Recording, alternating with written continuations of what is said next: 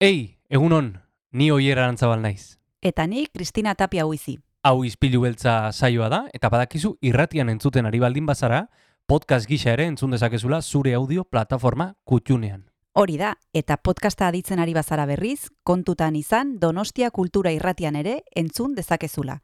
FM eundazazpi puntu lau frekuentzian. Sare sozialetan ere topatuko gaituzu noski, izpilu beltza bilatuta, Instagram, Facebook eta Twitterren. Besterik gabe, guazen gaurko saioarekin.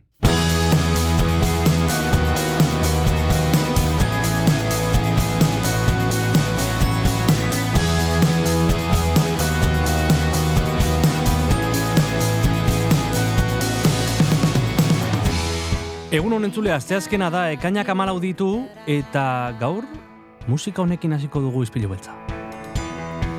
Nire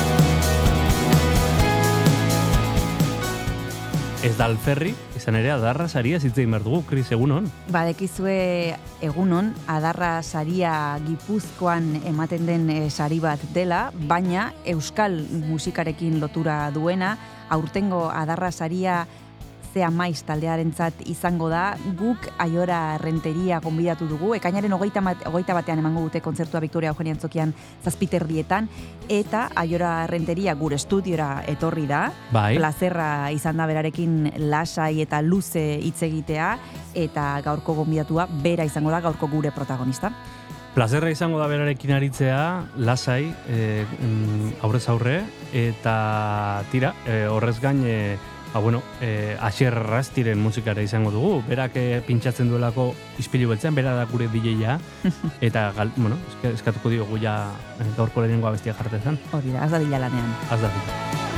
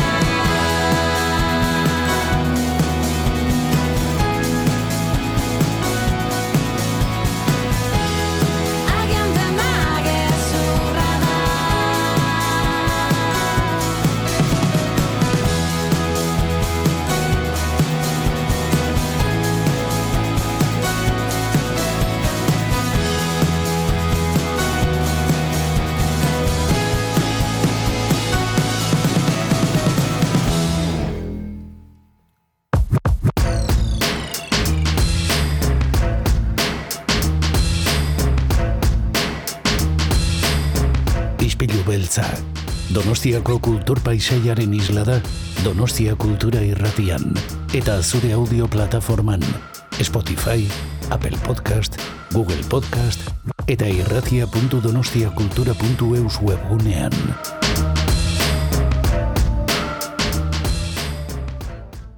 Kaixo entzulea asteazken hon, tira, azter nolako irratsaioa dugun gaurkoan aurretik, eh? Zea maiz taldeko aiora renteria dugulako hemen, Donostia kulturako estudioetan, Eta gaurkoan ba, aurreratzen dizuet, eh, monografikoa izango da, gaurko saioa, gaurko irratsaioa izan ere, zea maisi eskeniko diegulako, ba, adarra sariaz gain ere, gaurko ispilu beltza irratsaioa. Eta horretarako, zerrobe, ba, gurea ere, mm, ba, euren kantu mitiko batekin astea, ez da? Zuekin, gaur, egunon.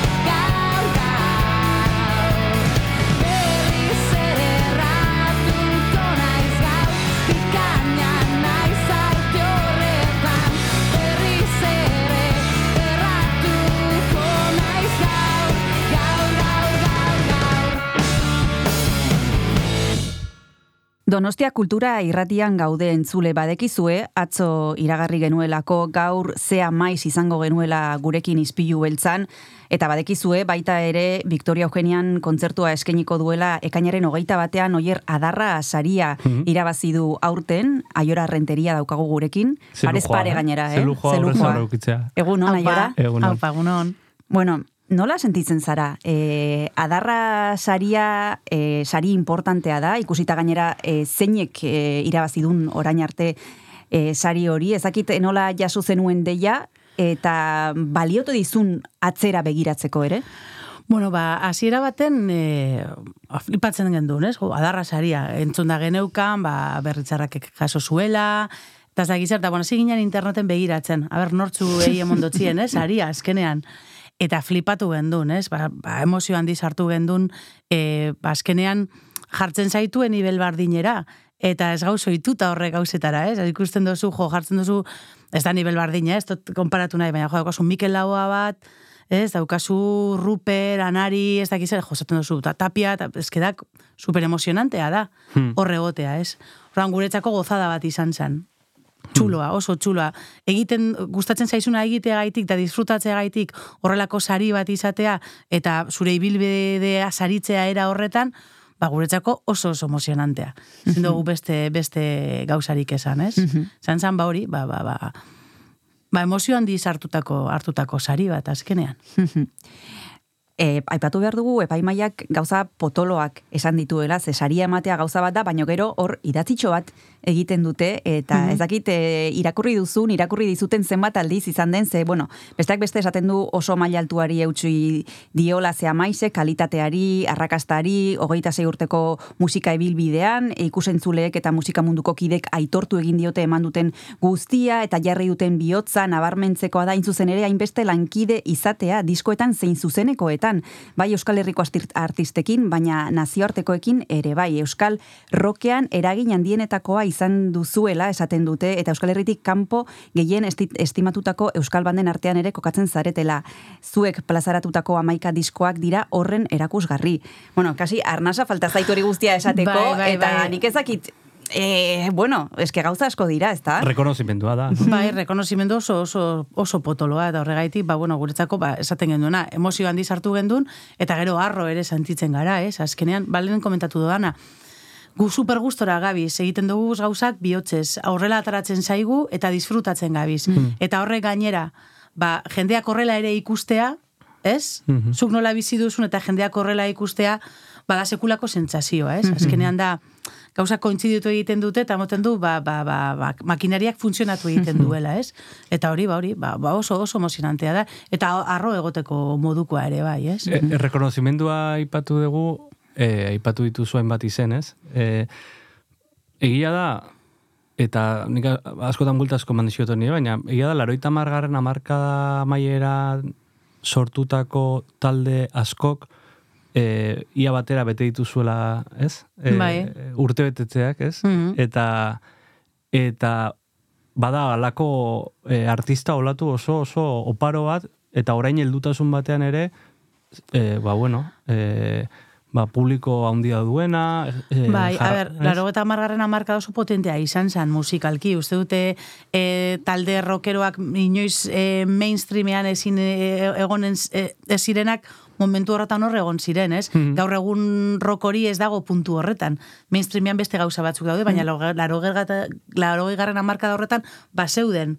Ez, ba, ba, ba, nirvana bat, eta ez, olako, Bai. olako taldeak, orain ez deki leku hori mundu mailan guk hori dena bizi izan dugu, Euskal Herrian pilo bat taldek hori bizi izan dugu, ez? Eta hortik hartu genuen ere, eta uste dut oso oparoa izan zala ere bai, eta talde asko mantendu gara, o- orain arte, ez? Hainbeste urte holtzara igotzen, oraindik ere zirrara e, ber- berbera sentitzen duzu? Ba, nik beldur ezugarria ez, e, daukat e, esenatokira joan behar nahi zen e, momentuetan. Lehen aurretik askoz ere nervio gehiago nituen, baina dinot ordu bat asko lehenago. Orain igual lasaiago nago, baina ja hurbiltzen danean beti beldur hori sentitzen dut, urduritasun bat sentitzen dut, eta eta danok, eh, gudanok. Eta atera baino lehen, beti, beti, txisalarri gaude laurak. Osea, eta hori holan da. Eta uste dut dala oso interesantea ez galtzea, ez? Azkenean eh, daukazu errespetu bat egiten dozunagaitik, ez dozu errez moduan hartzen edo zeo zer normala moduan hartzen daukazu, beti ondo atarako da, ez? Bueno, ahotsakin beti, zukere jakingo zu, ahotsakin azkenean beti gauz oso salduta, ez? Eta orduan, e, ez dakizu, ba, aguantako dozka ahotsak gaurkoan amaierar arte, ondo ingo du, zer ez? Orduan, horrek ere, paranoia horrek eramaten ditugu gurekin urteetan. Eta naiz eta esperientzia izan, gauza hain naturala denez, eta eta momentu askotan kontrola ezina, ba, ez dakizu nondinora joango dan, eta orduan tentzin hori ikusi egiten da. Baina nik uste dut, txuloa dala, ez? Hori mantentzea pizka bat, beldur hori, ze azkenean da errespetua daukazula egingo dozuna gaitik, ez? Eta, eta, eta hori hori bai mantentzen dugula. Kontzertu horretik dauzen horrek eh, momentuak ja musika introa jartzen dugunean, ba, gainera bako, oso urduria gara danak, eh? Niri, osea, nik gehiago saltzen dut hori, ez? Nik esaten dut, eta urdurean izela. Eurek ez dute esaten, baina bakoitzak euren roioa daukate. Orduan momentu horretan egiten dugu gure gure tikes bardinak danak e, e, e, holtzara atera aurretik eta horrek mantentzen ditugu oraindik. Musika eskatu behar dizugu gaiora, zure abesti bat nahiko genuke jarri. Zer Bai. jar dezakegu, zer dortzen zaizu burura horla bapatean abesti bat eskatzen badizugu? Orain momentu honetan, Bai. ba, momentu honetan kemena adibidez, eh, Venga. azkenengo diskoko kemena abestia. Venga, guazen entzutera. Entzun dezagun. Nire itzazora itzuli naiz Bidaian joateko aurrera Ta izkutatu dudan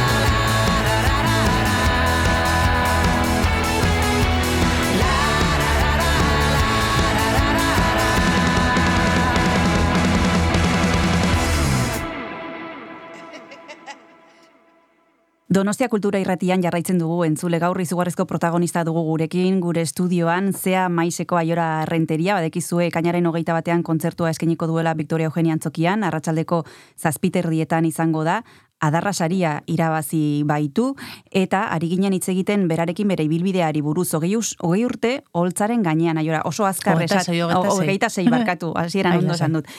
E, oso azkar esaten da, eta ezakit, e, balio izun sariak ere atzera begiratzeko, gogoratzeko nola hasi zineten, nola izan den bide hori, non zaudeten orain. Bai, hori beti izan dugu oso presente, nola e, guretzako gure gure hasiera oso emozionantea izan zen. Azkenean, bueno, niretzako bereziki urteetan ibili nintzen nik talde bat nahi nuen izan, ez nuen ikusten nik abestiak egiten dituen nire etxean, baina ez nuen nire, nire burua bakarrik ikusten, ez? Tarlo nik, bueno, entzuten nuen musika guztia taldeak ziran, osea, ez zegoen e, bakarlaririk. Orduan niretzako zan, ba, nik taldea nahi neban izan. Eta orduan, klaro, sortu ginean, ezagutu nituen eran, niretzako izan zen, buah, gozada bat. Eta orduan, momentu guztiak gogoratzen ditut super argi, super argi.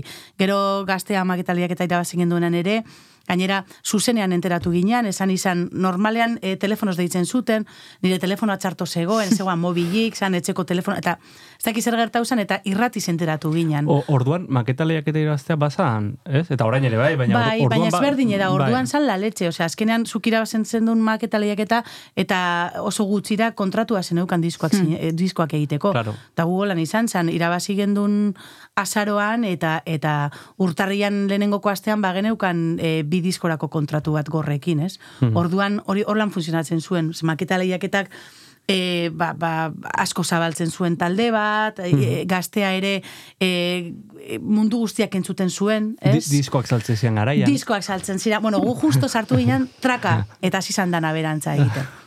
Ez, diskoan salmentan atori dana, eta bueno, E, e, denok, e, edo normalean musikari guztiek daukate, zuk esan duzu ez, musika dela seinala diskoak entzute zenitula, Bai. eta lora talde batez, bai, baina zintzan e, izan nahi zenuen musikari hori. Ez beti daukagu, e, ez, ba, nik nahiko nuke izan, ez dakit nor, ez? Edo hori bezala nahiko nuke, bai, ez? ni- niretzako referentea esan Perjam taldea. Ta, nik hori izan niretzako talde bat. Aurretik banituen beste bat, eh? Ubiz, Hmm. ubik soratu ninduen amasei urteretara arte, eta gero ja aldatu neban, baina, baina holan talde bat garai horretan eta ikusten nuena niretzako Perjam zan adibidez. Bai, da gero beste asko, eh? Ba, gero Pixie, Soundgarden, Nirvana bat ere bai, edo, et- eta pilo bat talde, ez? Baina, baina niretzako bai, nik esango nuke Perjam izan zela. Aipatu duzu aiora zuek hasi zinetenean hasi zela pixka bat dena maldan bera, Bai. baino bizi izan dituzue bi garaiak, ez? E, nun e, diskoak saltzen ziren eta orain beste Bai. modu batera dira gauzak, ez dakit nostalgia sentitzen duzun e, pasa diren garai horiek. Nostalgia ez, nostalgia ez, ez dakit. E, gauzak aldatu dira, erak aldatu egin dira, baina azkenean dana bardina da, adibidez, bueno, oso txulo dago eta ideia oso ona zan, adibidez Spotify bat, bere berezko ideia zein zan, baina azkenean e, diskoetxe bat atzean badago, diskoetxeak eramaten du Spotify ateratzen den e, diruan parterik handiena. Orduan, negozioak bardinak jarraitzen du, bardina jarraitzen du izaten, baina sistema ezberdina, ez? Orain, ba, ba, digitalki egiten da, lehen diskoetan egiten zen. Eta zuzenekoek pisu hartu dute, eh? Claro, zuzenekoak pisu handiago hartu zuten, baina disketxeak ere sartu ziren zuzenekoetara manager, e, managerrak sartzen eta, ez, Madonak izan zuen sekulako movida ere bai, ze kontzertutan ateratzen zuen di, e, dirua eta ez, ez, ez diskoetan, eta orduan baina esan zuen, disketxeak izan zuen, e, guk hartu behar dugu kontzertu hauetatik euneko ez dakizen bat, eta egin egiten dute. Hori horrela funtzionatzen du disketxe potenteetan, ez? Dirua kontzertotatik ere hartzen dute, euren taldeen kontzertotatik. Orduan, bueno, gauzak aldatu dira, baina negozioa mantentzen dutenak negozioa oso ondo mantentzen dute eta badakite. Gu bizi izan dugu hori dana, ba, diskoak saltzearena, hemen Euskal Herrian oraindik diskoak saldu egiten dira, ba, durango bat dugu eta eta hori mantendu egiten da pizka bat eta hor e, mugimendu bat dago diskoana. Bizi izan dugu ba, ba transizio bat, ba, diskoak saltzen ez zirela digitala ere zuen oso ondo funtzionatzen, zan pizka bat, eta gero orain, ba, dana ba, ba, konpartitu egiten den musika ezagutzen dugu orain, ez? Nostalgikoa ez dakit. Hmm. Uh, viniloa bueltatu da ere pizka Bai, bat. bai. Bueno, niretzako vinilo oso interesantea da, oso polita eta diseinu aldetik oso txuloa, baina ibiltzea hogei la, hogeta lau minuturo buelta Bai. ematen disko bateri nire egiten zait nahiko gogorra, ez? Gustatzen zait non noiz ipintzea, baina nik momentu honetan ohitu naiz e, ba, ba, digitalki musika entzuten eta eta Hmm. osea, superlibre sentitzen naiz aukeratzeko edo zer gauza ze daukazu, denetarik daukazu, ez? Hmm. Dena konpartitzen duzu. Ez daukazu ezer, baina dena daukazu, ez? Ba, Igual, bueno, hor- beste era bat da. Uf, Igual hor dago aldaketa handiena ez ere, entzuteko moduan, ez? Ze orain dena daukazu, baino e, bazuk ere esaten dute ez diozula denborarik dedikatzen ege, osea, ezerri. E, Claro, oso azkardoa dena. Claro, hori da orain, orain, orain datorrena, beitu esaten duten, e, lehenengoko hiru segunduak direla garrantzitsuenak zerbait hartzeko edo sartzeko, edo zein bideo, edo zein abesti. Hmm. Ef efimeroa da dana. Bai. Claro, baina horrela egiten dugu, a ber, e, orain e, danak mobilakin gaudenean ikusten ditugu bideo superlaburrak, asko luzatzen bada bideoa, testua oso luzea bada, pff, pasatu egiten dugu, ez? Zer etorriko dan e, ondoren, ba, joango gara, urrengoko urtetan joango gara ikusten, da asimilatu beharko dugu, eta edo, edo, aldatuz, edo aldatzen saiatu beharko gara. Baina uste dut, em, f- musika beti mantenduko dara erabaten, eta jendeak beti erosiko duela, nonok erosiko du diskoren bat. Eta igual askok ez dute mantenduko dituzte hiru segundu gure abestiak, baina beste askok entzun egingo dituzte. ez? Baina beti gertatu da, ba, rock musika bera ere, e, izan ditu urte batzuk oso lehen oso oparoak izan direnak, baina roka beti egon da, ez? Ez da izan mainstream bat, ez? E, ba, ba, bardina gertatzen da gaur egun guztiarekin, ba, ba, baina jarraitzen du, hor jarraitzen du eta jarraituko du. Ez, beste estiloekin konparatuta. Ze musika entzuten duzu orain?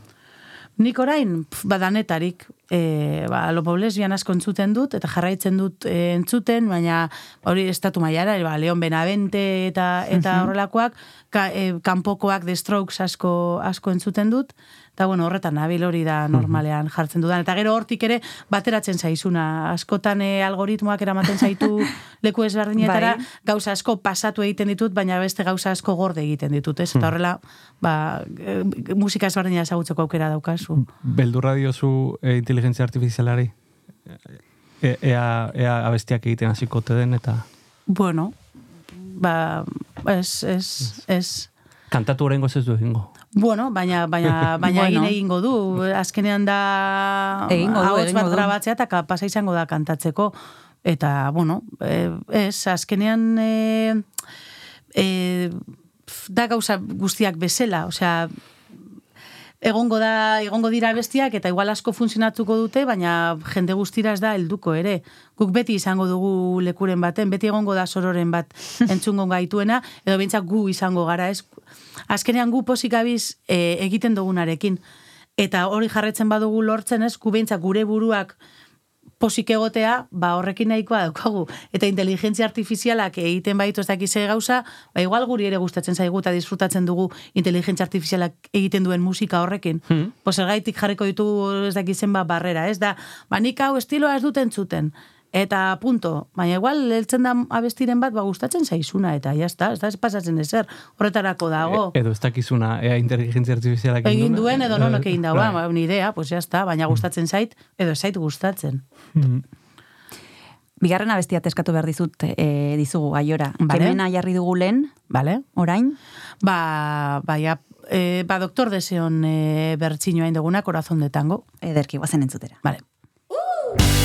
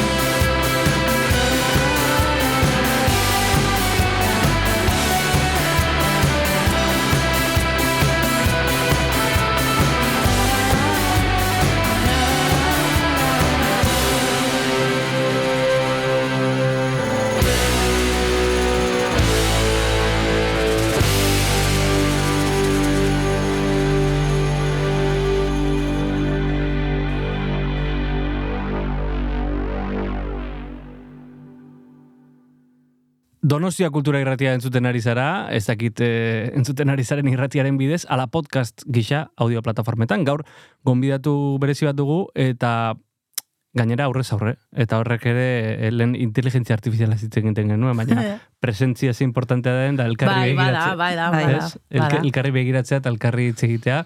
E, ai- aipatzen genuen adarra sariak ekarri zaitu, espiru Bai. beltzera, baina e- egia esan e, ba genuen gogoa zurekin hitz egiteko aiora.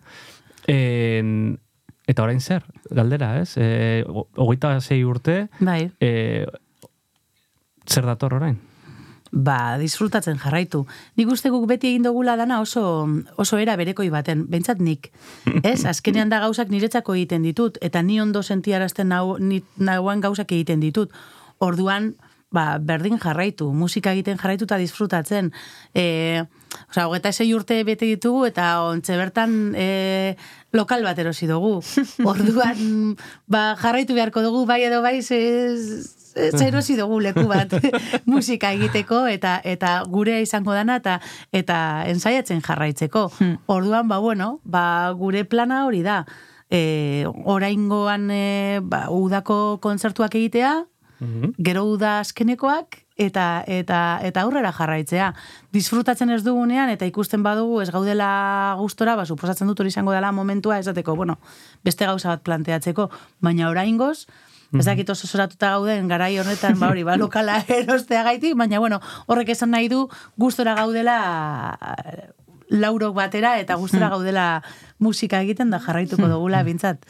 Zaiatuko gara jarraitzen da hori da plana, ez daukagu plan e, berezirik, ez? Azkenean zer egiten dugu musikariok, ba, disko bat egiten duzu, kontzertuak egiten dituzu, eta gero beste disko bat egiten duzu, ez abestiak egiten jarraitu, eta eta eta zure abestiak eh, plazaratzen jarraitu, ez? Lo, lokala erosi duzuela esan duzu, beti, Bai. beti izan zeate ausartak, ez? E, ausartak esan nahi eta apustuak egiten, e, e, adibidez nazioarteko produktorekin lan egiten, Bai. ez? Beste begi batzuekin. E, Bai, hor- bueno, hor- horretan saiatzen gara, a ber, em, kontzertutan beti daukazu, lehen kontatu dugun zirrara hori, ez? Edo, edo, edo, edo horreke, horreken ur, urduritasun txiki horrek, ez?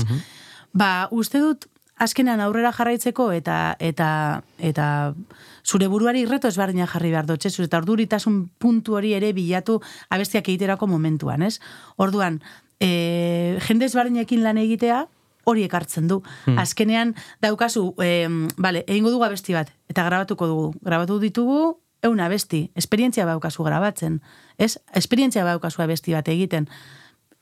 Emon behar dutzezu beste toke bat, ez? Eta uste dut diskotik diskora beti egin dugula zerbait urduritasun puntu hori emateko, ez? Eta hau izan da, ba hori, ba, joatea, ba, ba, produktore ezberdinekin, e, gustoko izan ditugunak, eta eurekin nahi gendun lan egin, eta ara joan, euren estudioetara, eta grabatu, eta zaki zer, jo, beldur hori kendu dugu. Eta hori ikasi dugu. Orduan urrengorako segaitik ez beste gauzan bate egitea, ez? Ba, pentsatuko dugu, beti beti egongo da zerbait, ba, berria, baina hori etorriko da, ja planteatzen duzunean, ez? Beste, ze, ze, ze, ze Martxan zaudelako. Hori da, ez? Eta beste zerbait egingo dugu fijo, baina, karo, nok daki momentu honetan, ez? Baina bilatu, bai, beti ibili gara bilatzen. Ba, urteetan ibili gara lastrakin, tiopeten grabatzen, gero egin genuen salto bat, eta joan ginen e, e, andoainera joan ginen, eta grabatu genuen produktore batekin, hori ja super ezberdina izan zen, eta ja, klaro, hau nahingo salto hau izan da, Bari, bueno, aurretik ere, ba, deifekin, grabatu genuen Bai. tiopeten ere, beste sal- salto hori, eta gero azkenengokoa izan da hori, baina joan, e, bi abestirekin bakarrik, eta abestiak justo momentuan eginda, ez itxaron da, osea, abestiak igual zuten amar egun, eta Ja. joan ginen ja grabatzera, ez? Orduan, probatzen dituzu gauza ezberdinak. Zer egiten du horrek? Si, urduritasun puntua jartzen du, e, beldurra ere bai, baina gero ikusten duzu, jo, ba, kapasa gara hau egiteko, ez? Ba, urrengoan ikusiko dugu, aber, zertarako kapasa garen. Ze, adibidez, lehenengoa grabatzera joan ginean, Ricky Follnerrekin, hasi ginean jotzen, izan zen desastre bat. Euki genituen pilo bat arazo lokalean, ezin izan genuen ensaiatu, azkenengoko abestiak zituzten, ba, ba, ama bostegun. Bai. Da azkenengo amar egunak, lokalen ezin genuen ensaiatu, arazo bat izan genuen, bueno, si- sin más, Bai. eta ezin genuen ensaiatu. Orduan joan ginen ara, bi abesti berrikin, eta ensaiatu gabe.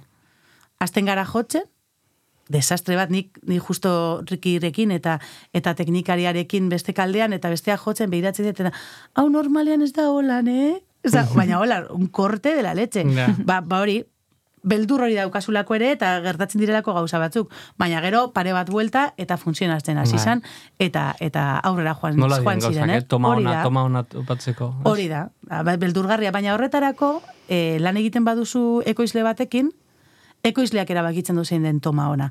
Eta hori niretzako izan da munduko gauzarik onena. Hmm.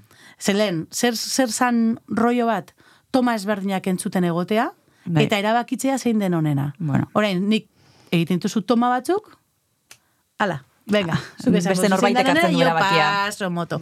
Ez? Oso zaila da, jakitea zein den onena. Ez?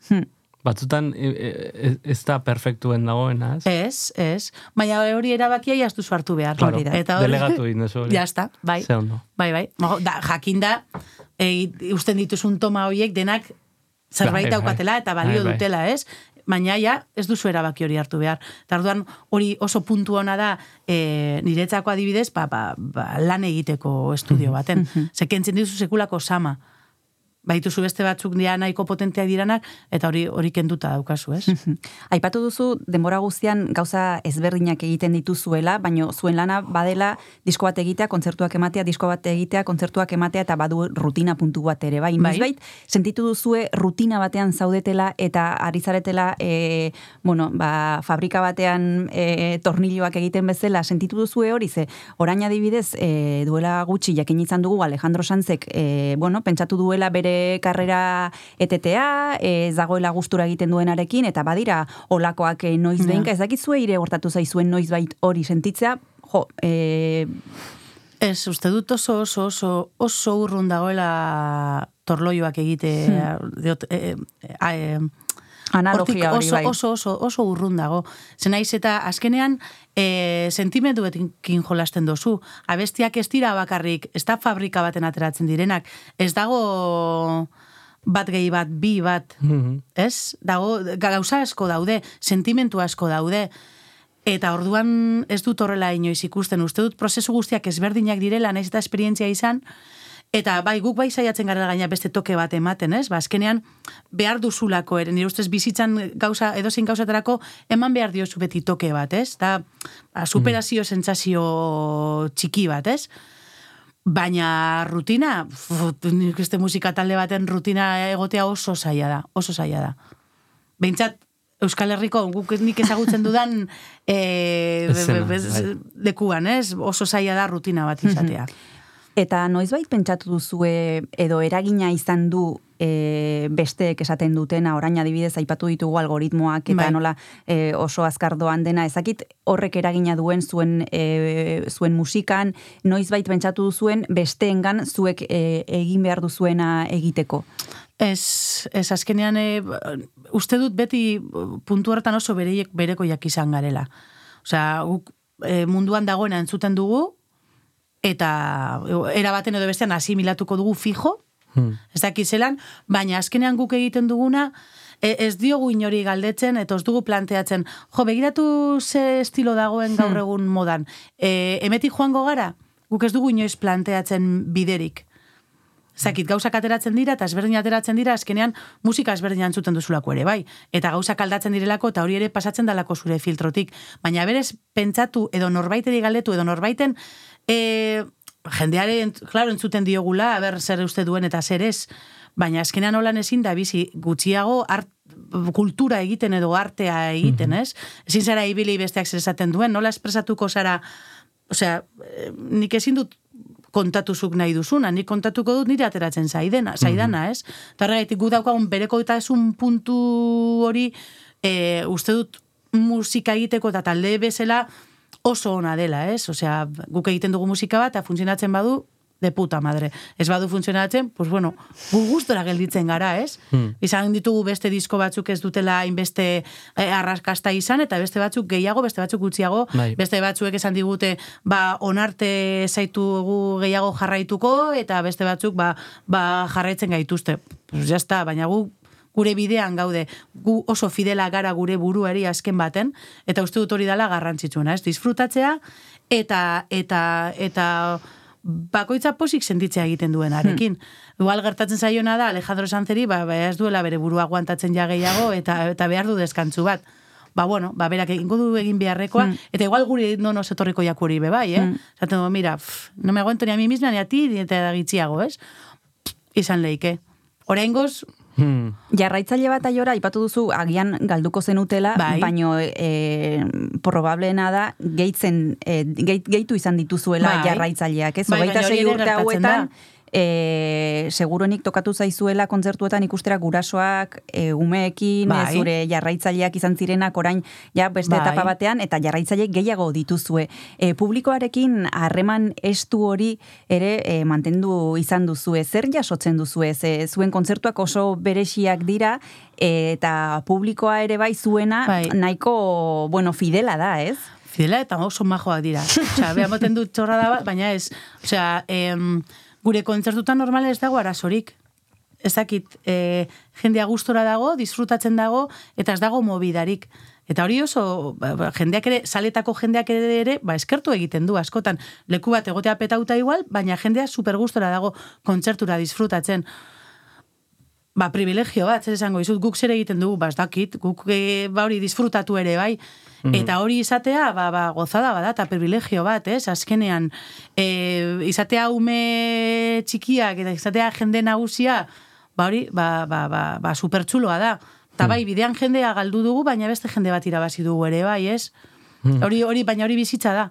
Ez da, E, nik galdetu nahi nizun, e, egin dituzue abesti asko, bai, eta abesti horietarik batzuk bihurtu dira hitak, bai, hit absolutoak. Bai. Soinu bandak, e, Bai. pertsonen bizitzen soinu bandak. Bai. E, oso polita da e, komposaketa prozesua, polita da e, grabaketa prozesua kristal, Bai. kristalizatzen dena momentua dana, Bai, bai. ez? Noiz jabetzen zara hitaz, ez? E, zuk e, e, jabetzen za- zara egiten ari zarenean? Hala izaten da e, bat batean eskutatik ies egiten dizun zerbait.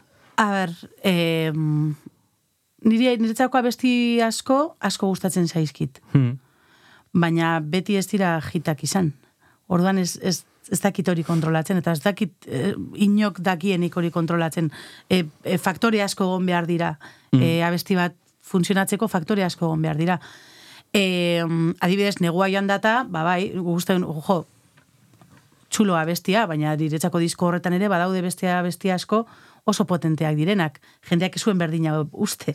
Eta negua izan data, eta bueno, etortzen zanean jendea estudiora e, e, eta jartzen genuenean abesti ezberdinak, denok esaten zuten, jode esta, jode esta, ez? Negua joan data abestia gaitik.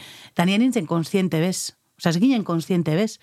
Zaten zu, jo, bueno, ba, bai, hor ematen du abesti honek, osa, jendeari gustatu, asko gustatzen zaiola, ez? Eta begiratu nola funtzionatu zuen, izan zen la bomba. Espero, ba ez, ba niretzako beste guztiak ere, eta aurretik ere be, nivel horretako jitak egin ditugu. Baina, guretzako, ez? Eta orduan karo zan, ba bueno, pues, pues bueno, ba, momentua izango zen, ez? Noiz atera zen, gero bideoklikopak ere asko lagundu zuen, Hmm. E, anarik esan izan di, bueno, entzun izan digu anari esaten, ba, bere e, zenbait abestirekin, ez, ba, ja, ez ditula jotzen ez dela sentitzen eroso. ja. E, zuri gertatu zaizu, e, gertatu zaizu, badaukazu diskoren bat, abestiren bat, esaten duzuna, bueno, hau ja ez dut kantatu nahi. Bai. Lehenengoko diskoko gauak bat diskoa, osea, abestia. Bai, ez dakit, barregura moten dozta, eta... Claro, bai, bai. sortu Bai, ziren egin garai batean. Egin duten bizan gauak bat eta gauak bi. Gauak bi asko gustatzen zait, eta gauak bat, ba, entzuten dut, eta entzuten dut letra eta dena, eta ez zait gustatzen. A ber, e, iruditzen zait momenturako oso ondo dagoela.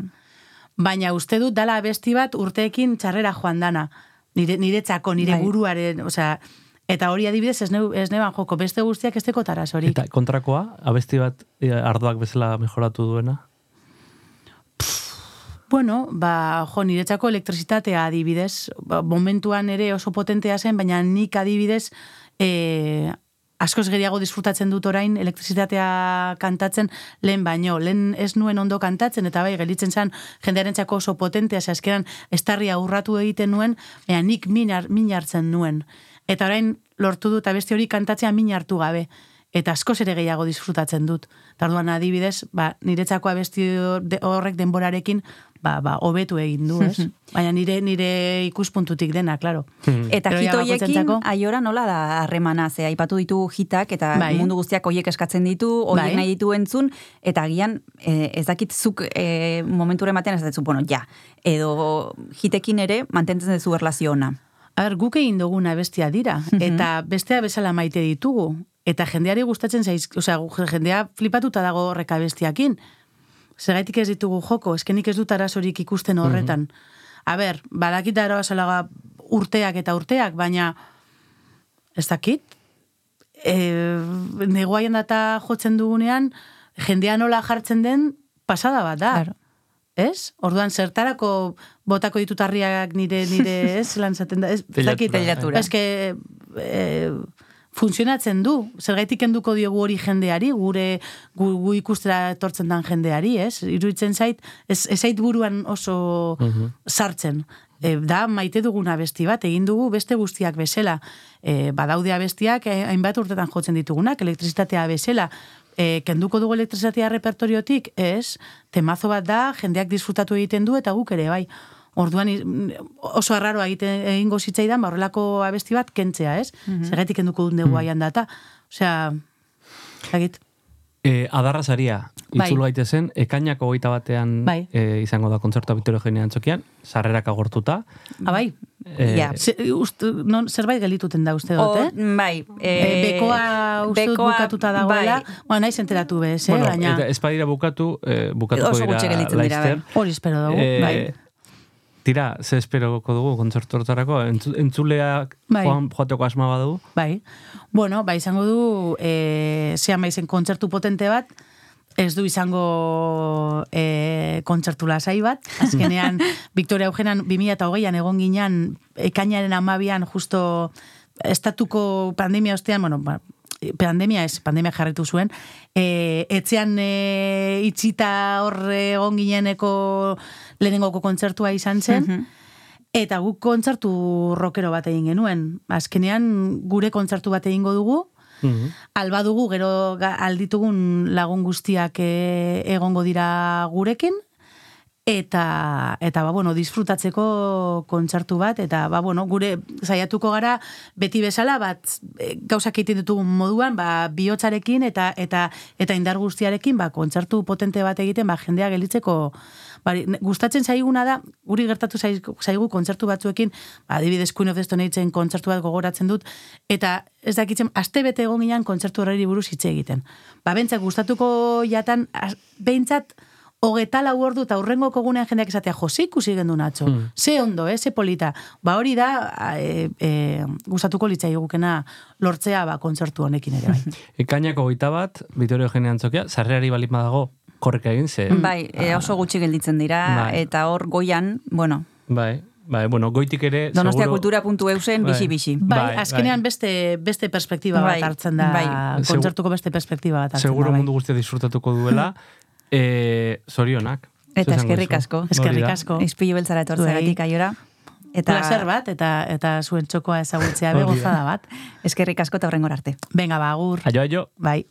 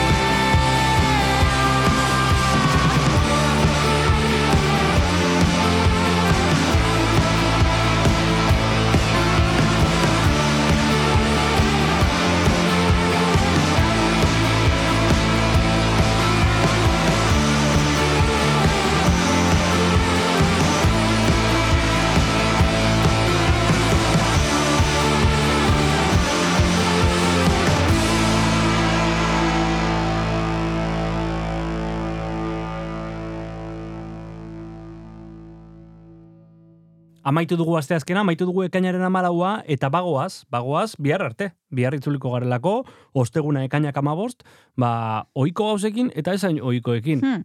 Bai, ze bihar ekonomiari buruz arituko gara. E, oier, badekizue Santelmon, e, pentsamendua eta gogoeta izena duen atal bat daukatela, eta hor noiz behinka, itzaldi oso interesgarriak, Mhm. bueno, noiz behinka ez, itzaldi interesgarriak egiten dituzte beti, kasu hontan ekonomiari buruz arituko gara kepa kortarekin, bera donostiako estrategia bulegoko zuzendaria da, eta con las personas en el centro de la economia izanen, izena duen itzaldi antolatu dutenez, ekainaren hogeian, bihar izango dugu hemen gurekin, eta gainera, Josemi Beltran. Hori guztia biharko saioan izango da, e, bitartean zaindu, eta bihar arte. Aio.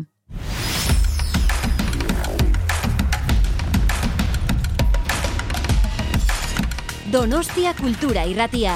Zabaldu gurekin Donostialdeko kulturaren leioa.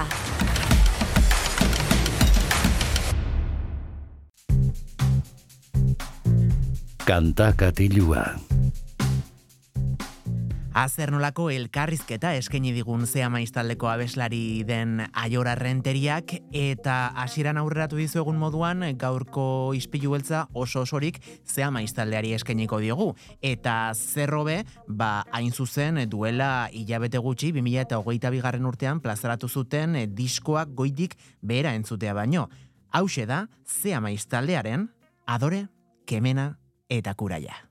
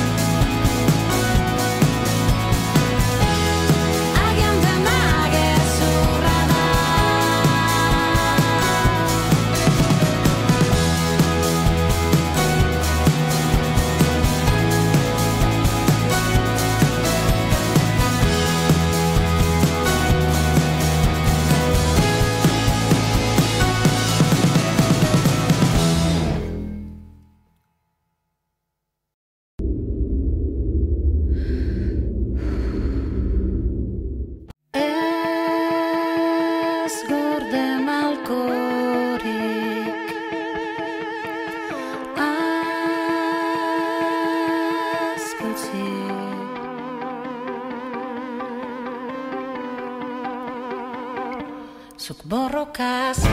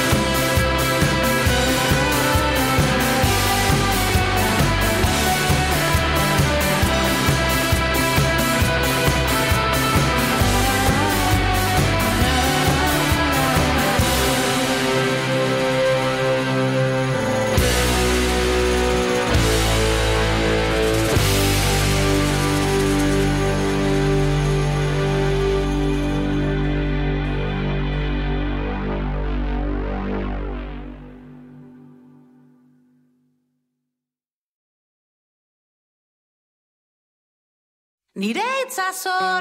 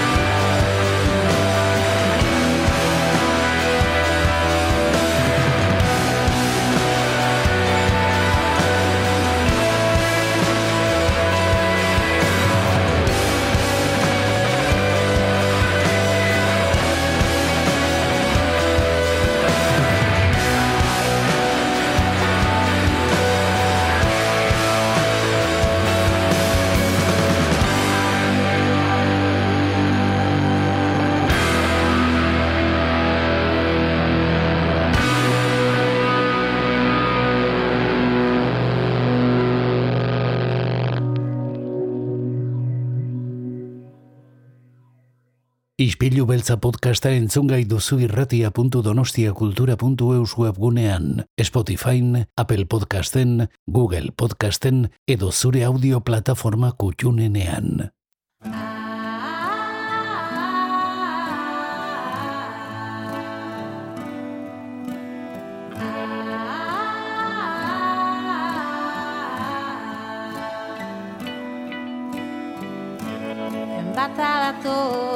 Dator ustekabean Itxaso barea aldatu egin da. Donostia kultura irratia, iriko eta aldirietako kulturaren leioa.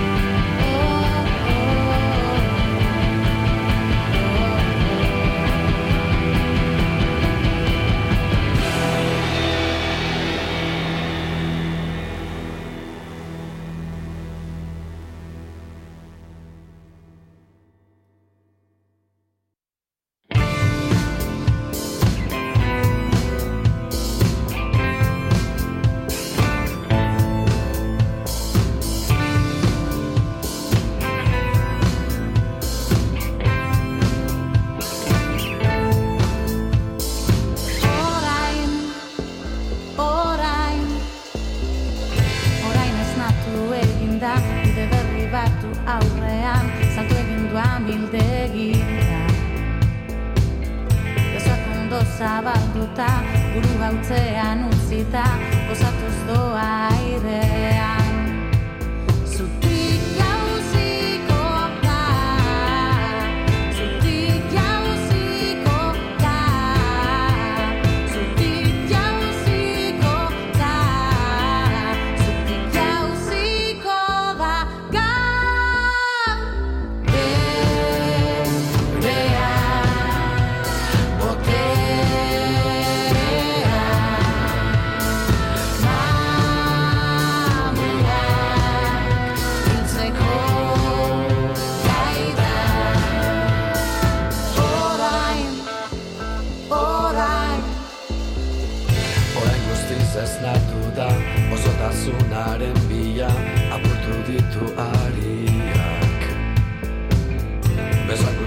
ariak Besak guztiz zabatuta Burua ustu ustuta Gozatuz birakadoa Zutik jauziko da Zutik jauziko da Zutik jauziko da Zutik jauziko da Gaur